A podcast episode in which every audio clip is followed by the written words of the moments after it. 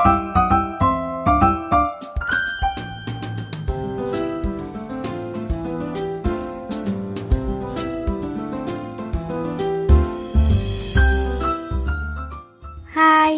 Shalom adik-adik. Gimana kabarnya? Ketemu lagi nih sama Kak Grace dalam program kesayangan kita, Renungan Harian Audio Cerdas Berpikir, edisi kisah-kisah dan tokoh-tokoh dalam Alkitab. Melalui renungan ini, Kakak berharap kita semua diberkati oleh kebenaran firman Tuhan. Dan kalau kalian diberkati, jangan lupa bagikan audio renungan ini kepada yang lain, supaya semakin banyak yang diberkati. Oke? Hari ini kakak mau ngebawain renungan yang judulnya Ekspektasi versus Realita.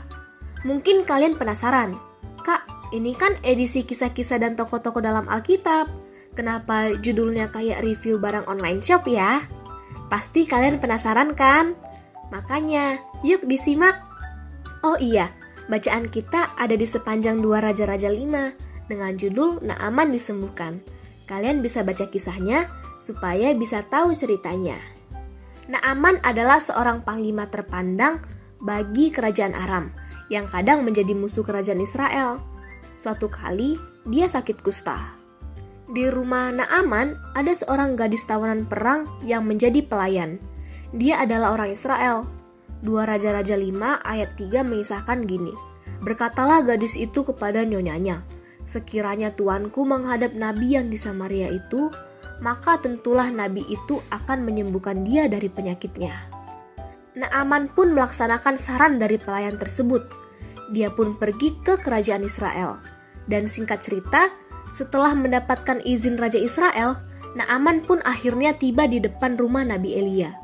Lalu, dua Raja-Raja 5 ayat 10 mengisahkan gini. Elisa menyuruh seorang suruhan kepadanya mengatakan, Pergilah mandi tujuh kali dalam sungai Yordan, maka tubuhmu akan pulih kembali, sehingga engkau menjadi tahir. Dua Raja-Raja 5 ayat 11 sampai 12 melanjutkan kisahnya begini. Tetapi pergilah Naaman dengan gusar sambil berkata, Aku sangka bahwa setidak-tidaknya ia datang keluar dan berdiri memanggil nama Tuhan Allahnya, lalu menggerak-gerakkan tangannya di atas tempat penyakit itu dan demikian menyembuhkan penyakit kustaku. Bukankah Abana dan Parpar, sungai-sungai Damsyik lebih baik dari segala sungai di Israel? Bukankah aku dapat mandi di sana dan menjadi tahir? Kemudian berpalinglah ia dan pergi dengan panas hati. Singkat cerita, setelah dibujuk oleh pegawai-pegawainya, Naaman akhirnya menuruti perkataan Nabi Elisa. Dia mandi tujuh kali di sungai Yordan, dan dia sembuh dari sakit kusta. Adik-adik, walaupun Naaman pada akhirnya menuruti perintah Nabi Elisa, tapi dia sempat kecewa. Dia punya ekspektasi yang tinggi tentang bagaimana dia akan disembuhkan. Dia punya ekspektasi bahwa Nabi Elisa akan mendatanginya, memanggil nama Tuhan, menggerak-gerakkan tangannya di tempat sakit kusta tersebut, dan penyakit kustanya akan sembuh. Tapi realitanya jauh berbeda. Naaman malah disuruh mandi tujuh kali di sungai Yordan, yang kemungkinan gak lebih bersih dari sungai di negerinya. Ini pasti bikin dia kecewa. Ekspektasi versus realita. Adik-adik, kisah ini mengajarkan kita untuk tidak mudah menaruh ekspektasi tinggi terhadap sesuatu. Kalau kita dengan mudahnya menaruh ekspektasi tinggi terhadap sesuatu, takutnya kita akan kecewa.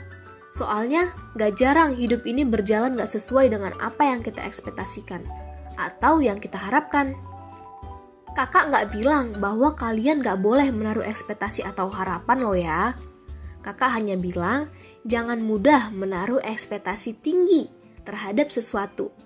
Soalnya, kayaknya gak sedikit orang yang jadi kecewa karena dengan mudahnya menaruh ekspektasi tinggi terhadap sesuatu.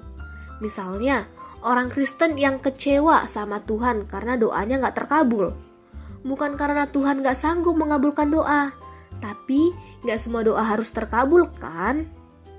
Atau ada orang yang kecewa sama Tuhan gara-gara sakit hati sama orang Kristen lainnya. Mungkin dia mikirnya bahwa orang Kristen harusnya hidup dalam kasih dan bukan malah bikin sakit hati.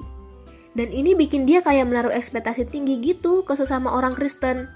Tapi itu justru sikap yang keliru. Yang namanya manusia pasti pernah melakukan kesalahan kan? Dan gak jarang malah bikin sakit hati kan?